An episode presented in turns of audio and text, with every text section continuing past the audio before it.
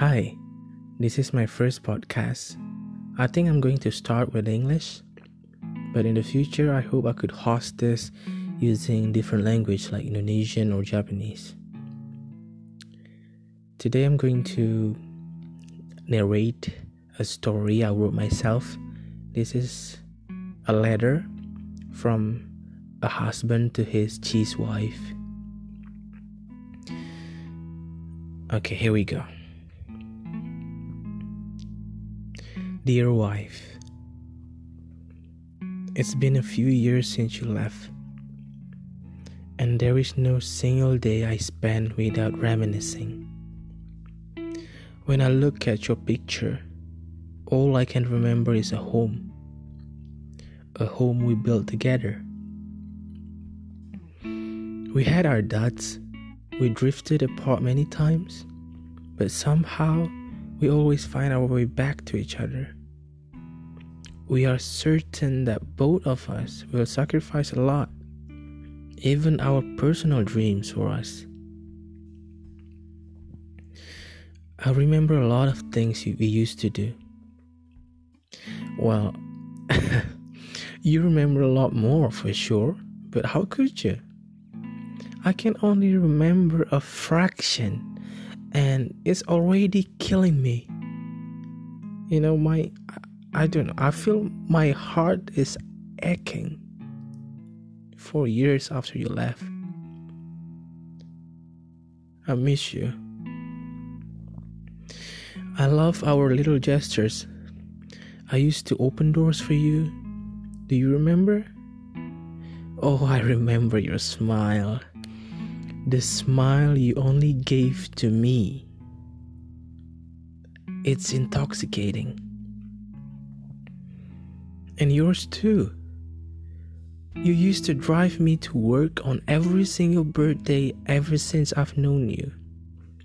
I can act like a little boy all day around and you will be as excited. I mean, I'm a cold person, right? So when I can act that immature, I think you made me feel safe. I often wonder if I have done my life right, you know, but I'm certain I think that it is right because it made you stayed. Because you stayed.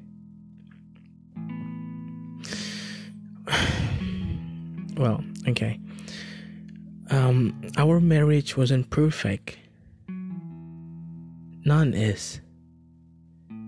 We used to fight over a wide range of things.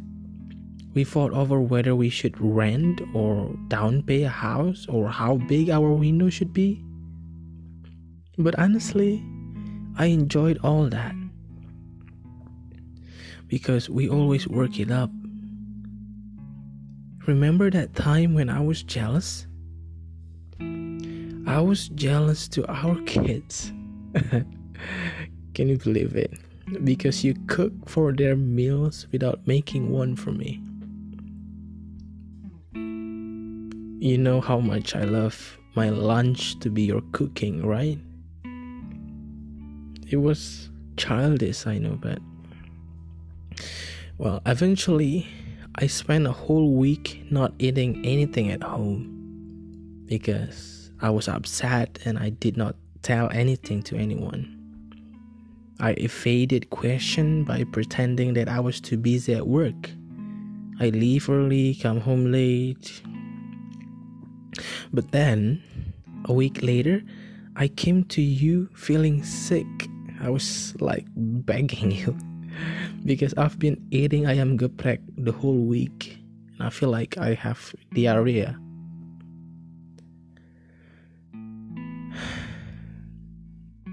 But you know, after we spoke,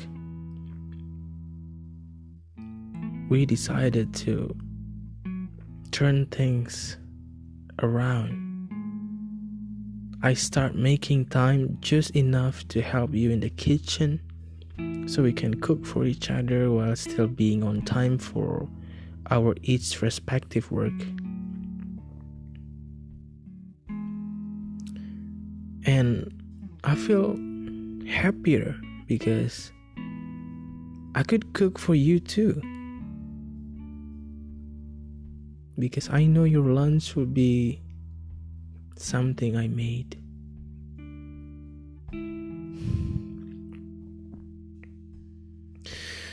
And we had our big fights, of course.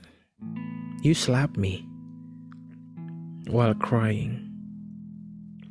You said, I will not forgive you if you die out of lung cancer. So stop smoking right now or you will lose me. that was you said. That's you. You pushed me to be better. You you see something I, I don't even see in myself.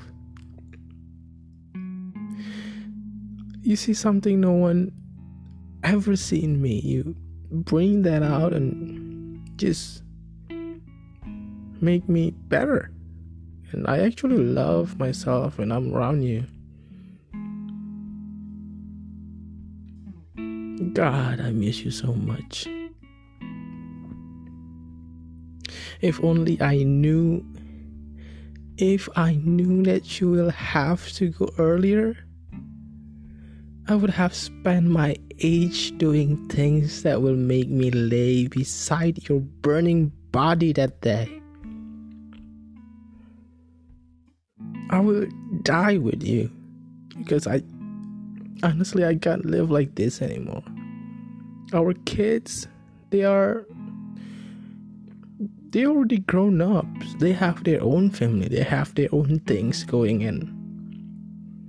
I I don't know what I should do with my life anymore. You know? What should I do? I Oh my god. This is embarrassing. I'm sorry.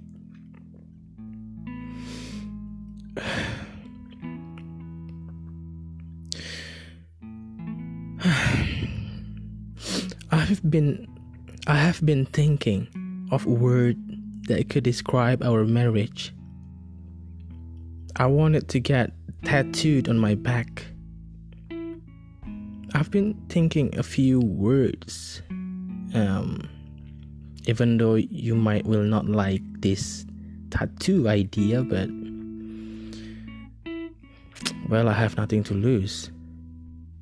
I even hope that you will somehow return and get mad at me. If only. It's tempting to use the word perfect, but I feel like there is something missing. I don't think perfect is really suitable because I think we agree that our marriage wasn't perfect, right? I'm not perfect.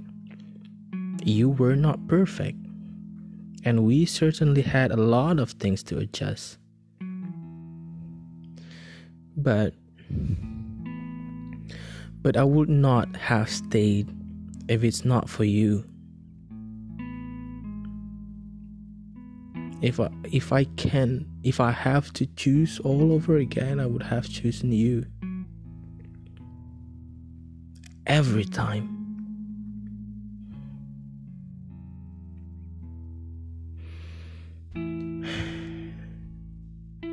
I think I think your name should describe it. Your name should be the description of our marriage, my life, our kids, you are you're this